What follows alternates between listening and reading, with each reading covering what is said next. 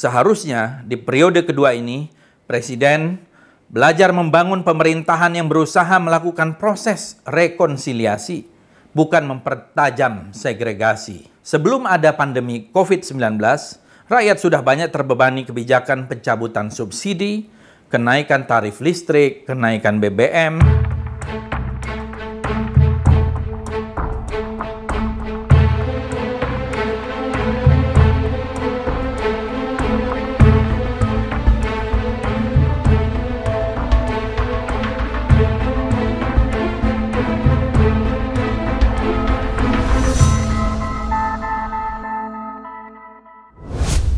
Assalamualaikum warahmatullahi wabarakatuh. Salam sejahtera. Saudara-saudara, hari ini tepat 20 Oktober 2020 atau 20 10 2020. Saya membuat catatan tentang setahun pemerintahan Jokowi Ma'ruf. Dan inilah catatan saya. Setahun Jokowi Ma'ruf, beban rakyat dan negara kian berat. 20 Oktober 2020 ini genap setahun usia pemerintahan Presiden Joko Widodo dan Wakil Presiden Kiai Haji Ma'ruf Amin. Atau jika digabungkan dengan periode pertama, hari ini adalah genap 6 tahun Indonesia berada di bawah pimpinan Presiden Joko Widodo. Kalau diminta menilai perjalanan setahun terakhir, apalagi 6 tahun terakhir, tanpa bermaksud melebih-lebihkan cukup jelas saya melihat ada banyak sekali kemunduran yang telah kita alami. Di bawah kepemimpinan Presiden Jokowi, rakyat dan negara sama-sama memikul beban yang kian berat. Saya mencatat ada empat beban berat yang bobotnya kian besar selama pemerintahan Presiden Joko Widodo berlangsung. Pertama adalah beban utang. Akibat miskalkulasi, mismanagement, serta kerja-kerja pembangunan tuna konsep, Indonesia kini harus menanggung beban utang yang sangat berat.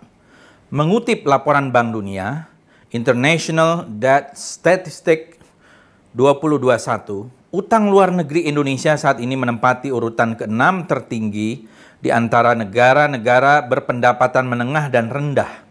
Saat ini, utang luar negeri kita lebih dari 402 miliar US dollar atau sekitar 6.000 triliun.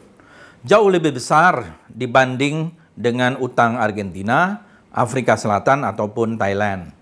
Selain utang luar negeri, tahun ini juga pemerintah telah menerbitkan global bond sebesar 4,3 miliar US dollar dengan tenor 30 tahun.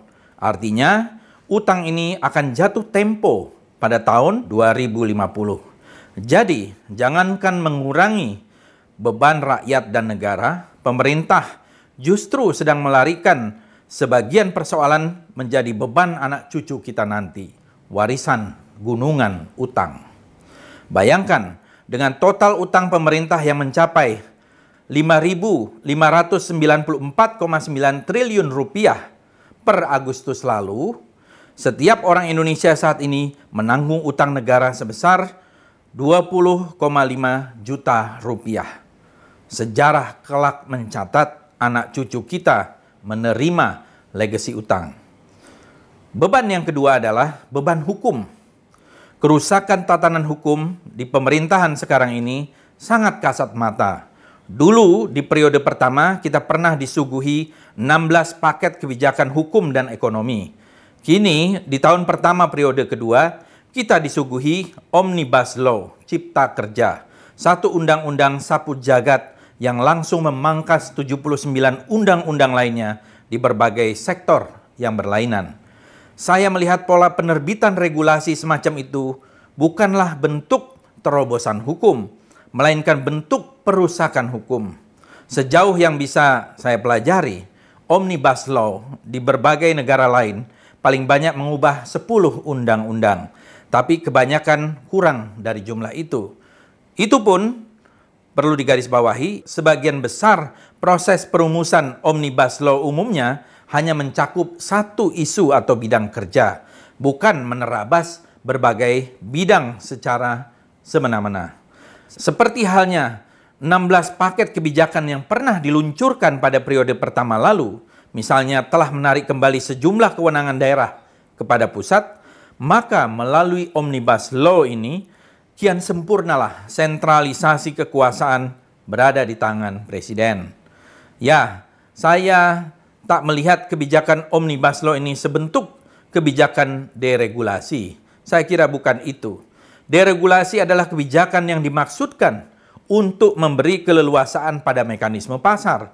Tapi Omnibus Law yang kemarin disahkan dan juga paket-paket kebijakan ekonomi yang jumlahnya tak masuk akal beberapa waktu lalu tidak tepat disebut sebagai deregulasi. Yang tepat mungkin bisa dikatakan sebagai konsolidasi kekuasaan di tangan presiden. Tak heran banyak investor asing bahkan memprotes Blade baru ini. Sebab undang-undang itu telah membuka banyak sekali front konflik. Sementara investor yang sesungguhnya biasanya tak suka konflik. Mereka butuh stabilitas dan kepastian hukum. Jadi alih-alih menciptakan kepastian dan stabilitas, Omnibus Law sudah terbukti melahirkan konflik dan instabilitas.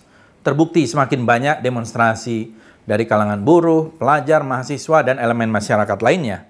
Bahkan sejumlah pihak ada yang menganjurkan civil disobedience atau pembangkangan sipil. Beban yang ketiga adalah beban perpecahan. Di periode sekarang ini masih ada upaya untuk bermain-main dengan sejumlah isu sensitif keagamaan. Menteri Agama misalnya berkali-kali membuat umat Islam marah karena sejumlah ucapan dan kebijakannya. Pancasila yang seharusnya menjadi alat pemersatu melalui draft RUU haluan ideologi Pancasila justru membuat banyak marah orang dan bahkan menjadi pemecah belah. Seharusnya di periode kedua ini Presiden belajar membangun pemerintahan yang berusaha melakukan proses rekonsiliasi, bukan mempertajam segregasi. Dan beban yang keempat adalah beban sosial. Rakyat kini bebannya kian berat. Sebelum ada pandemi COVID-19, rakyat sudah banyak terbebani kebijakan pencabutan subsidi, kenaikan tarif listrik, kenaikan BBM, kenaikan tol, kenaikan BPJS Kesehatan, dan lain-lain. Kini beban rakyat bertambah karena pandemi sejak Maret 2020. Ironisnya, pemerintah terkesan menggunakan pandemi ini justru sebagai momen menolong para pengusaha atau taipan, bukan lebih banyak menolong rakyat kecil. Stimulus pemulihan ekonomi nasional, PEN misalnya, 24 persennya digunakan untuk menolong korporasi. Hanya 12 persen saja yang digunakan untuk belanja kesehatan. Inilah sesuatu yang ironis. Tak heran, menurut sejumlah survei seperti dilakukan Litbang Kompas misalnya, mayoritas rakyat mengaku tidak puas pada pemerintahan Joko Widodo dan Wakil Presiden Ma'ruf Amin. Ketidakpuasan dalam bidang ekonomi dan hukum adalah yang paling besar. Tahun lalu, Presiden Joko Widodo mengatakan bahwa ia tak punya beban apa pun di periode kedua pemerintahannya. Sayangnya, yang merasa tak punya beban sepertinya hanyalah Presiden. Sementara rakyat dan negara bebannya justru kian bertambah. Mudah-mudahan dalam waktu-waktu ke depan, kita diberikan kebijakan-kebijakan yang lebih pro rakyat dan mempermudah kehidupan rakyat oleh pemerintahan Pak Jokowi dan Pak Ma'ruf Amin. Terima kasih. Wassalamualaikum warahmatullahi wabarakatuh.